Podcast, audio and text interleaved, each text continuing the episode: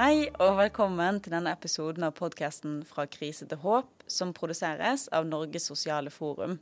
I denne episoden skal du få høre mer om organisering av folkekjøkken, som har lang historie på den politiske venstresiden. Vi skal høre mer om det politiske og den autonome bakgrunnen senere i episoden. Men først skal vi få en reportasje fra høstens globaliseringskonferanse, der vi besøkte folkekjøkkenet.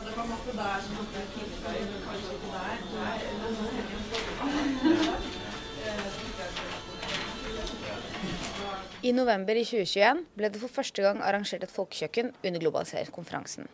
I løpet av helga ble det samla inn, henta, sortert og forberedt mat. Kjøkkenet ble laget av en gjeng frivillige som hadde lyst til å gjøre noe direkte og ta ideene bak konferansen ut i praksis. Ja, men Jeg kan jo si litt om de avtalene vi har fått. Um, vi skal hente sjokolade hos mølleren Sylvias. På fredag formiddag, første konferansedag, møtes gruppa i parken rundt bålpannen for å planlegge folkekjøkkenet. Sara, en av aktivistene i gruppa, går gjennom henteavtalene de har i løpet av dagen. Og så skal vi innom eh, Natur og Ungdoms kontor og hente gryter. Det skal vi gjøre nå klokken tolv. Og så eh, har vi en avtale på eh, stort sett alle godtbrødfilialer fra fem, mellom fem og åtte eh, når de stenger der eh, alle, alle, har fått beskjed om at de, hvis vi kommer innom, eh, så gir de det de på en måte har til overs. Kjempebra. Mm. Da blir vi på en måte en halvpart som ordner, at dere ordner med det, og en annen som ordner med dumpsterdriving, da, eller? Ja. Det krever mye arbeid å organisere matutlevering. Både det å få tak i selve maten, og det å nå fram til de folka som trenger den. På søndagen før folkekjøkkenet åpner, forteller Sara mer om hva de har gjort for å spre ordet. Vi har eh, hengt opp eh, plakater i går, og der eh, vi fikk tatt en tur sånn rundt Brugata og, og, pratet med utekontakten. Og de er jo ute hele natten, sånn, sånn at de også skulle spre ordet litt. Så det kommer an på om, om, de kanskje, de som de har snakket med, er litt slitne og sover, og det er litt tidlig på dagen. Så har vi hengt opp litt plakater rundt omkring sånn i sentrum, og, og der rundt altså ja, forskjellige hjelpetiltak og helsestasjoner og liksom steder der det kan være folk som får det med seg. da. Lokale grupper har leid ligger i grønlandsleirer på gateplan. De har dekket på et langbord ute i bakgården, der folk kan prate og spise suppe. Utenfor lokalet står Sara og Oda. De gir vekk brød og boller og suppe og prater med folka som kommer gående forbi. Det er bare å ta med seg. Det er brødskiver, reinbrød, hele brød. De grønne sosene, sjokolade, påskebagetter. Fra Godt brød. Vi har fått det fra godt brød, som skulle kastes. Ja. Ja. Vi spør Oda, som er en av aktivistene, om hvorfor hun er med. Jeg er med fordi det er så håpløst at det går mennesker i Norge som ikke får i seg mat. Samtidig som butikken og kafeene kaster så utrolig mye. Det er, så ganske, det er så tåpelig også at vi har blitt et sånt land der hvor man alle forventer at butikkene skal ha 50 nye brød på kvelden. At man ikke tåler at de er tomme for brød. Oda har vært aktiv med på folkekjøkkenet i Trondheim. Hvor det sosiale og alt det fine ved å spise sammen er det hun satte mest pris på. Det var det hyggeligste med folkekjøkkenet i Trondheim. Fellesskapet der. Om sommeren liksom langbord på gata, dødshyggelig. Om vinteren inne på Uffa. Magnus er en av initiativtakerne bak folkekjøkkenet. Og er med å arrangere globaliseringskonferansen. For Magnus er det å lage mat en tydelig politisk handling. Et folkekjøkken, sånn som eh, vi har lyst til å gjøre det i hvert fall, er jo en veldig tydelig politisk motivert utdeling av mat. Og vårt mål har jo da vært å ta utgangspunkt i den historien som allerede finnes, og som ligger bak tidligere aktivister som har drevet med folkekjøkken, som da handler om mutual aid, og som kommer fra liksom, den anarkistiske tråden da, med litt mer skal si, en mild form for direkte aksjon, på en måte. Målet med folkekjøkkenet i helga sier Magnus, er ikke bare å servere mat denne ene gangen. Gruppa har håp om å få til noe varig, og at kjøkkenet kan bidra og inspirere andre. Vi må være der over tid, komme i kontakt med folk, politisere hvordan vi driver det, og så få så mange som mulig med på det. Ok, Vårt mål er jo i det lille at dette skal skje nå. I det større at det er noe som blir vedvarende. At folk kan gjøre det av seg selv og for seg selv og for de rundt seg. Folkekjøkkenet under globaliseringskonferansen er et eksempel på hvordan man kan ta politikken ut i gata. Og vise solidaritet med de som går sultne. Å dele ut mat som ellers skulle bli kasta, er å vise solidaritet med de ressursene og de folkene som har produsert maten vår.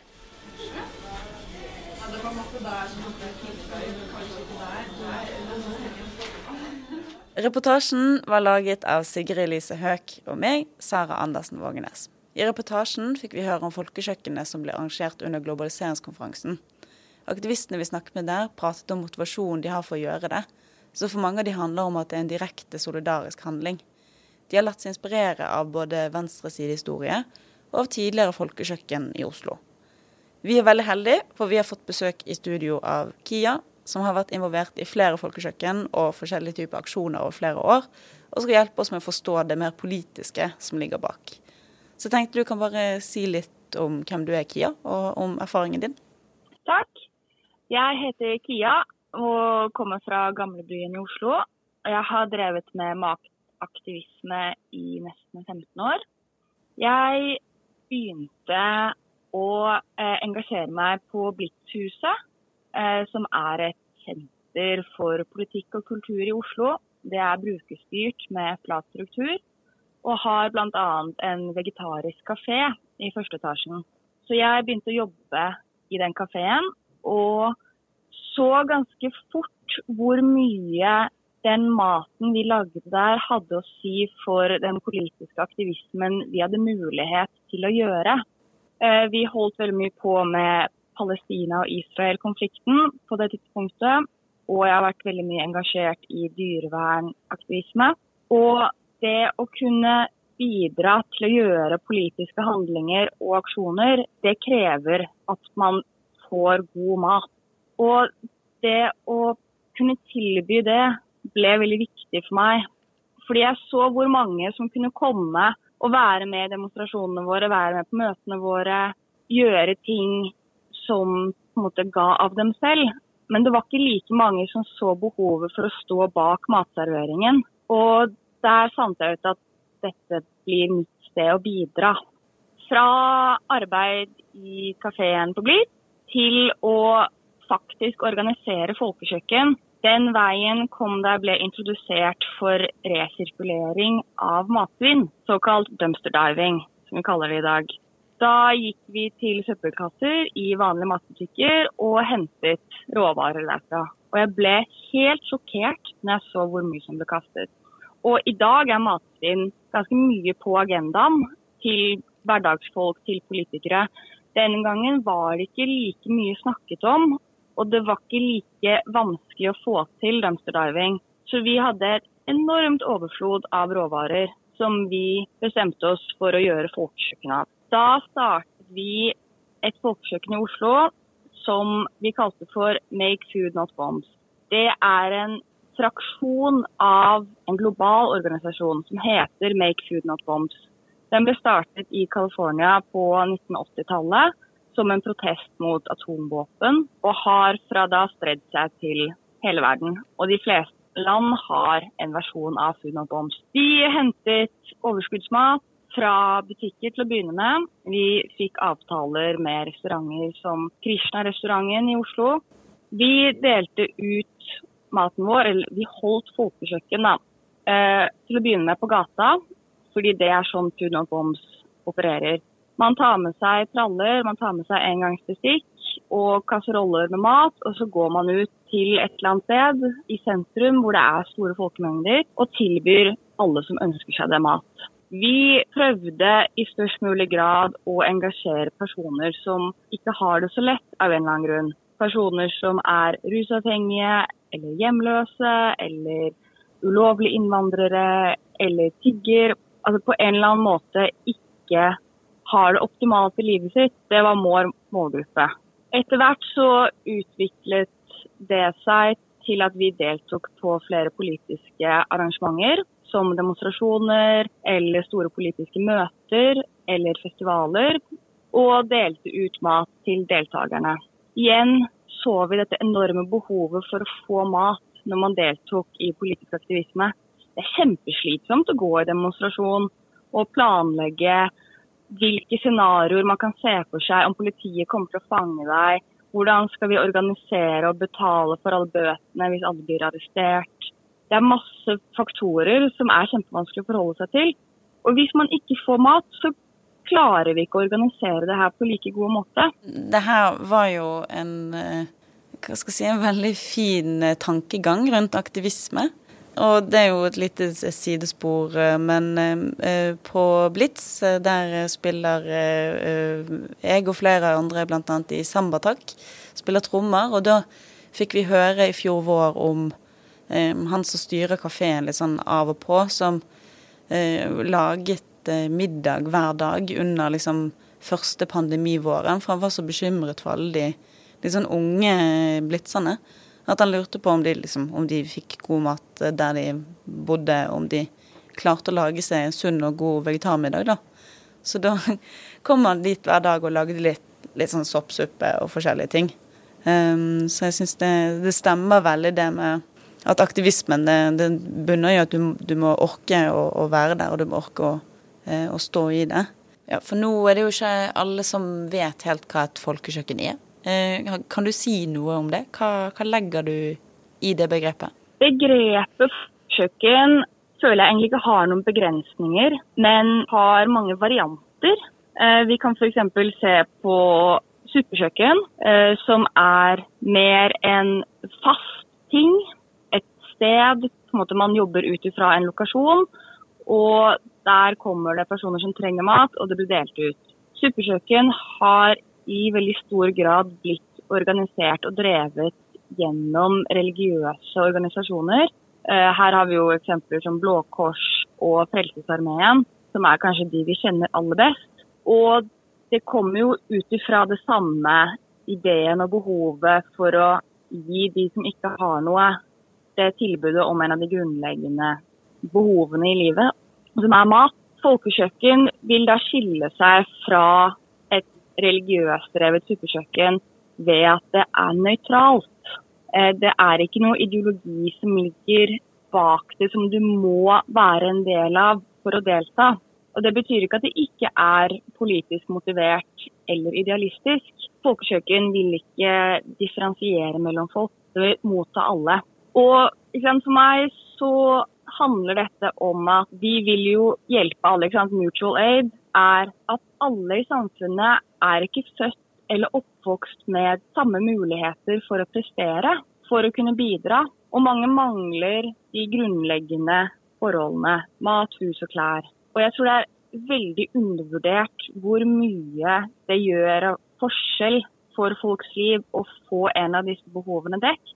Og da tenker jeg at mat er kanskje det viktigste behovet. For meg i hvert fall har det blitt det viktigste behovet, fordi det er det jeg har valgt å jobbe med. Og når man gir mennesker et måltid, da, så forandres deres evne til å delta i samfunnet. Til å jevne ut de ulikhetene som har gjort at de blir født uten de samme mulighetene til å leve et godt liv.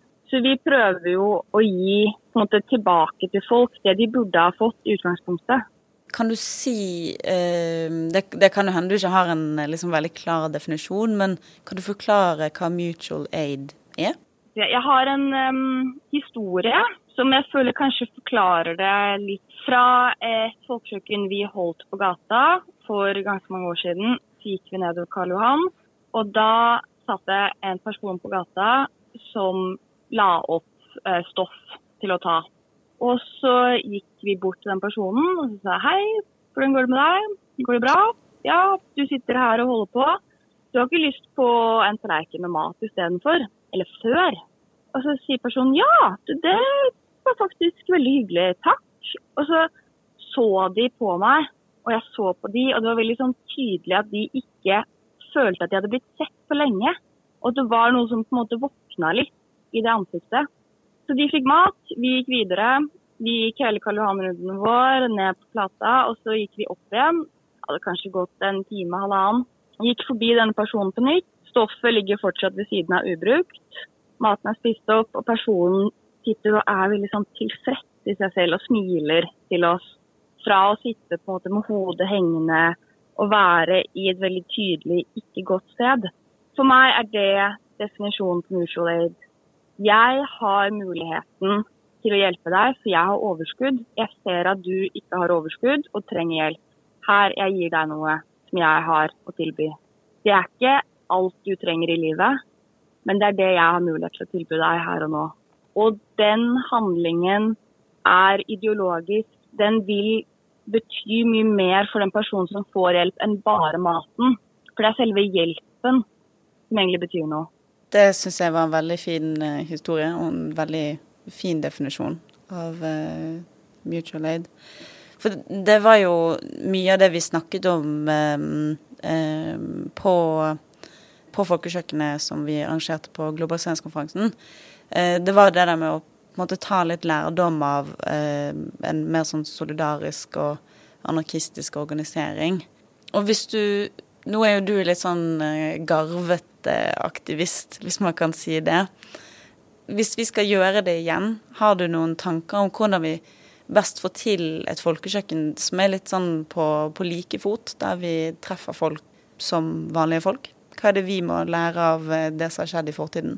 Det som er grunnen til at vi slutta å gjøre folkekjøkken, er nummer én at vi begynte å bli arrestert for å dele ut mat. Fordi politiet hadde et horn i siden til Blitz-bevegelsen. Og nummer to at det ble vanskeligere å få tak i mat fordi butikkene begynte å låse konteinerne sine, og fordi det begynte å komme flere regler for å dele ut mat.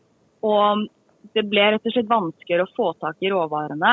Og nummer tre er å organisere nok mennesker som har lyst til å være med på det her. Mm. Hvis alle de tre faktorene kommer på bordet, som jeg er helt sikker på at fortsatt er der ute. Man må bare tenke på en litt annen måte enn det vi gjorde. Som f.eks. For, for å få tak i mat, istedenfor å belage seg 100% på dumpster diving. Så det å ta kontakt med produsenter og bønder og måtte kjøpe det direkte fra de, eller få en avtale med de på OK, du har ti kilo poteter som du ikke får solgt, som holder på å bli litt dårlige. De kan vi komme og hente for å komme eh, på det nivået som du snakker om, det å møte folk på gata, det er jo et problem. fordi når du er på en globaliseringskonferanse f.eks., eller en politisk festival, så er de som deltar på en, måte, en del av vår politikk uansett. Så vi vil jo treffe de som på en måte, ikke allerede er en del av vår politikk. Fordi det er jo de som er utsatte ofte. De går ikke nødvendigvis på de konferansene, fordi de har ikke ressurser til det. Jeg tror at å snakke med folk man treffer, er et veldig effektivt virkemiddel. Når man går nedover en gate og du ser at det er en samling mennesker der som er rusbrukere eller bor på gata av en annen grunn, eller er en del av romfolket, og spørre dem Hei, vi har lyst til å gi ut mat til dere. Hvor er dere? Hvor kan vi treffe dere? Mm. Og tidligere i Oslo i hvert fall, så har det jo vært deler av byen hvor folk har samlet seg. Det var Plata først, og så var det Skippergata, og så var det Brugata. Men de blir jo jagd vekk. Romfolk har blitt tatt i politibiler og kjørt ut i skogen og blitt dumpa. Mm. Så det problemet du tar opp, det er veldig aktuelt. At det er ikke bare bare å finne folk å dele ut. Ehm, finne de folkene. Og vi eh, hang opp litt plakater, og vi ehm, Men jeg tror det som, som funket, og som altså, Der burde vi nok gjort det på en måte i flere omganger i løpet av helgen, da. Men det, det var oss eh, Vi hadde en som syklet rundt til alle liksom rundt omkring i Kvadraturen med alle de hjelpetiltakene med 24-7 og eh, litt i Brugata, og bare pratet med folk. Um, og som pratet med utekontakten, og som liksom fortalte og, og var litt sånn hvis, hvis, du er i grønlandsleir i morgen, så, så får, får, du en eh, skål suppe og, og en, eh, kopp kaffe hvis du kommer hit. Um, så det tror jeg det hadde fungert bedre hvis vi hadde gjort det mer systematisk, kanskje. Eller flyttet maten nærmere der folk hang. Uh, for som du sier, så flytter jo folk seg, eller de må flytte seg når politiet kommer, og når når de blir kastet vekk. da. Så det, det er jo kanskje det som, er, som vi opplevde som den største utfordringen. Ja, Å nå litt utenfor vår egen gjeng, da. Eh, eller de som tilfeldigvis eh, går forbi. Mm. Jeg tror at det å være på gata er veldig viktig. Å være der det skjer.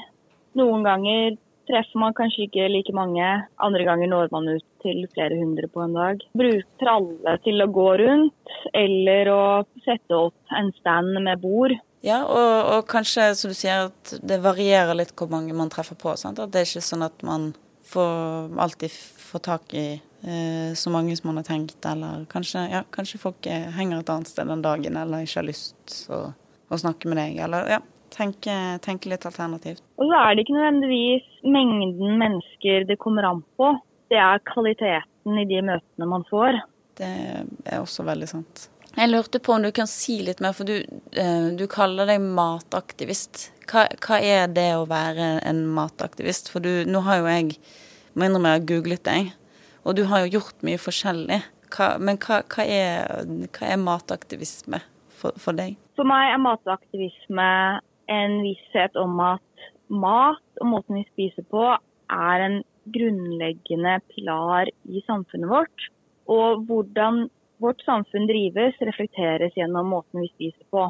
Jeg tenker da at måten vi spiser på kan forandre hvordan samfunnet vårt ser ut. Hele matsystemet er gjennomsyra av korrupsjon og altså, kapitalistisk drit. Mm. Og det er et uh, kjempestort monster å gå imot. Og da må vi jo på en måte bryte ned den store fienden da, som er det globaliserte matsystemet, ned i bitte små deler av hva kan vi gjøre her og nå. Det med å dele ut mat som mutual aid er en måte. Jeg har tatt landbruksutdannelse for å forstå matproduksjon bedre. Og det at selv om bønder blir støttet av staten med subsidier for å produsere mat, så gjør ikke det at maten er billig nok til at alle kan konsumere den, eller at bøndene får betalt nok for at de kan produsere mat og samtidig ha en bærekraftig livsstil. Og det gapet mellom de to tingene, det er ikke logisk for meg. Men det kommer der fordi det er private aktører imellom disse to leddene som får fortjeneste. Da snakker vi om Norgesgruppen, Coop, distributørene av mat, matvarekjedene. Så for meg så er det et veldig viktig eh, standpunkt å prøve å kjøpe så lavest ned i næringskjeden som mulig, helst direkte fra bonden. Jeg mener at å få mat burde vært på lik linje som å få borgerlønn. Alle burde fått en grunnpakke med mat og metodene for å tilberede den. Fordi det å tilberede god mat og sunn mat, det er også en form for et privilegium. Det er mange som kanskje har tilgang på råvarene, men ikke vet hva de skal gjøre med det fordi de ikke har tilgang til kunnskapen eller verktøyene, eller sliter med noe annet som gjør at de blir hindret i å lage mat. Så det å drive med både utdanningsaktivisme ved at man lærer bort hvordan man lager mat, og hvis man sliter med å lage sin egen mat, og så mestrer det, så vil du få så mye boost. Du vil bli lykkeligere. Så mataktivisme går over veldig mange nivåer. Sosialt, økonomisk, naturvernmessig, arbeidsmessig. Det er rett og slett hele samfunnet? Det er hele samfunnet. Hele samfunnet er organisert rundt hvordan vi lager maten vår. Så det å ikke være mataktivist, det syns jeg egentlig er litt rart. Jeg tror alle er mataktivister i en eller annen form. Jeg er bare ikke helt sikker på hvilken måte de er det. Det, eh, det syns jeg du har litt rett i. Jeg håper i hvert fall du har rett i. Og jeg har, jeg har veldig lyst til å, føler jeg har lyst til å leve i det her eh, samfunnet som du beskriver, eller det her der man tar på en måte litt sånn eh, eh kraften tilbake, da. Og, og tar og bestemmer litt mer. Men sånn helt eh, til slutt, tror du folkekjøkkenet er et steg på veien til et samfunn der folk har tilgang til sunn, god mat, de eh, kan lage den, de bestemmer over den? Jeg tror folkekjøkken er et kjempeviktig verktøy for å få til den samfunnsforandringen. En metode for å se hverandre på på likt nivå til å praktisere flat struktur. På et folkekjøkken så møtes alle og setter seg ned, spiser noe varmt, blir rolige, tenker pulsen sammen. Og dermed kan vi møtes. For vi er alle sammen mette. Vi kan alle sammen diskutere hva vi egentlig mener. Det syns jeg var en veldig fin avslutning. Tusen takk til deg, Kia. Eh, du har gjort meg veldig mye mer engasjert i å få på plass det her folkekjøkkenet i Oslo på mer fast basis. Her tenker jeg vi har masse lærdom. Vi har eh, eh, folk i miljøet som kan dette. Så det er jo på en måte bare å komme seg ut og sette solidarisk teori ut i praksis. Og tusen takk til Sigrid Elise Høeg, som har vært produsent i dag. Og takk til Manifest for lån av studio. Du har hørt podkasten 'Fra krise til håp' fra Norges sosiale forum. Har du spørsmål til denne episoden, kan du sende det til podkast.globalisering.no. Flere episoder hører du der du hører podkast.